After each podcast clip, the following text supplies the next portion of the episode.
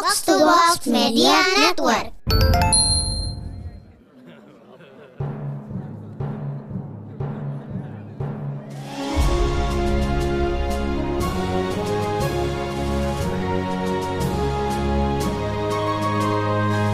Perhatian, perhatian. Dongeng Paman Geri akan segera dimulai. Semua anak dipersilahkan untuk berkumpul.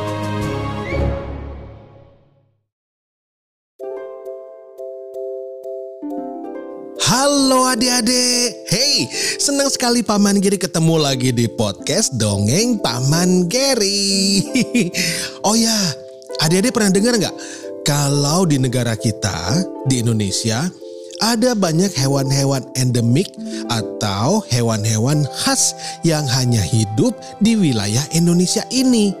Nah, di negara kita ada beruang madu seperti Winnie the Pooh, tapi tinggalnya di Bengkulu. Bahkan beruang madu adalah hewan khas daerah Bengkulu. Tapi ada yang tahu nggak Bengkulu itu ada di pulau apa? Yo, ada di mana? Kalau nggak tahu boleh tanya sama mama papa ya. Nah, kita sekarang akan ketemu dengan seekor beruang madu di sana.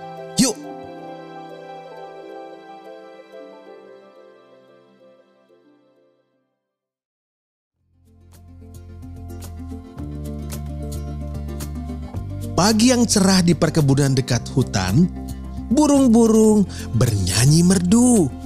Ayam-ayam berkotek riang. Semua berpadu dalam melodi pagi yang syahdu. Kok Paman Giri tiba-tiba jadi puitis ya adik-adik? Ini karena melihat alam yang sangat indah. Hijau daunnya, warna-warni bunga, dan hmm, ini harumnya buah-buah yang sudah matang. Dan Paman Giri memang senang sekali kalau jalan-jalan ke tempat seperti ini. Ke perkebunan di desa yang masih segar dan asri. Pasti kalian juga senang kan? Pasti orang-orang di sini hidup dengan aman dan nyaman. Eh, tapi sepertinya sedang ada yang sedikit keributan di depan rumah bercat kuning itu. Eh, kita dengerin yuk. Ayo, ayo adik-adik. Aduh, kebun payaku berantakan. Pisang-pisang yang hampir matang di pohon pun itu habis. Kebun sayurku hancur terinjak-injak. Ini pasti ulah si beruang madu. Ih, iya betul Pak Wira. Minggu lalu kan kebun Pak Tardi yang diacak-acak. Lalu dua minggu yang lalu kebun Pak Kirno. Kita harus melakukan sesuatu. Enak aja beruang itu menghancurkan kerja keras kita selama berminggu-minggu, bahkan berbulan-bulan. Ayo, kita sebarkan para warga, kita akan membuat sebuah perangkap beruang. Ide bagus itu, saya setuju. Nanti saya umumkan di balai desa. Beruang itu memang harus diberi pelajaran. Waduh, sepertinya para pemilik kebun benar-benar marah karena kebun mereka rusak. Maka mereka menyiapkan segala kebutuhan untuk membuat perangkap beruang. Sima, anak Pak Wira, juga ikut sibuk. Ia membantu menutupi lubang besar yang sudah digali warga dengan daun-daunan besar dan ranting-ranting kecil supaya beruang tidak menyangka ada lubang dalam di bawahnya.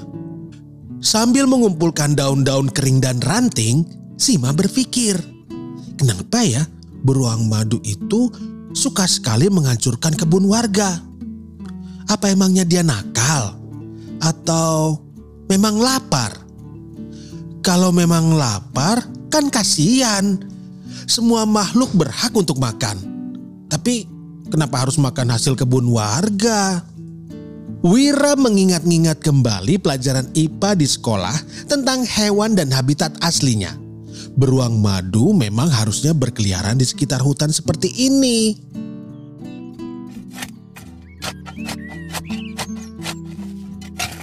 Ayah, apakah kita harus menangkap beruang itu?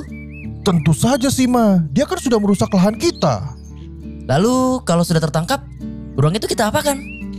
Hmm, ayah belum berpikir ke sana, tapi yang penting kita tangkap dulu beruangnya. Tapi ya, aku tak tega. Sima jadi bingung. Ia tidak ingin warga berburu beruang madu.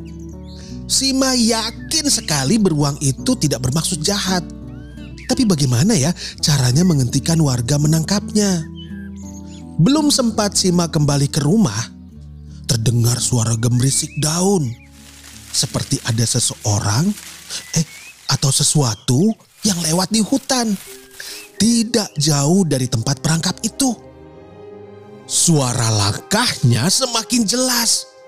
Seperti suara langkah yang diseret. Waduh, jangan-jangan ini beruang yang ditunggu-tunggu. Bayangan hitam berkelebat di antara daun-daun yang rapat. Para warga terdiam. Tidak ada yang berani bicara.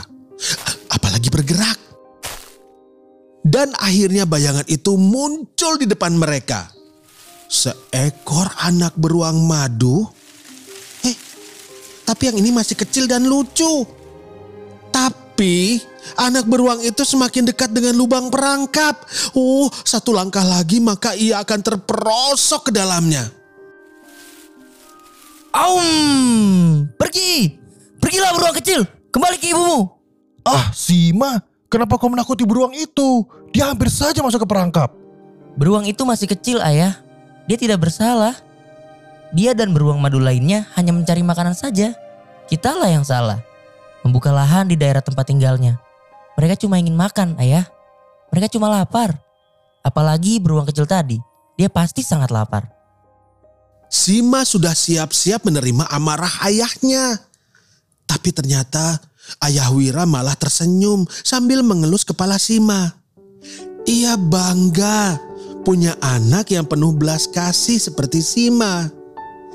Sima memberikan ide bagi warga untuk mendirikan pagar di sekitar kebun dan menaruh beberapa buah kesukaan beruang madu di luar pagar.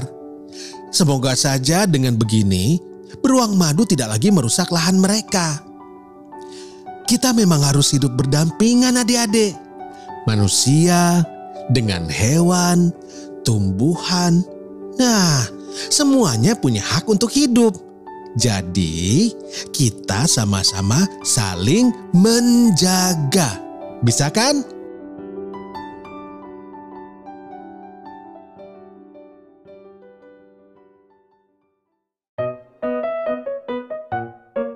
Yeay, dongengnya sudah selesai. Jumpa lagi di dongeng Paman Geri selanjutnya.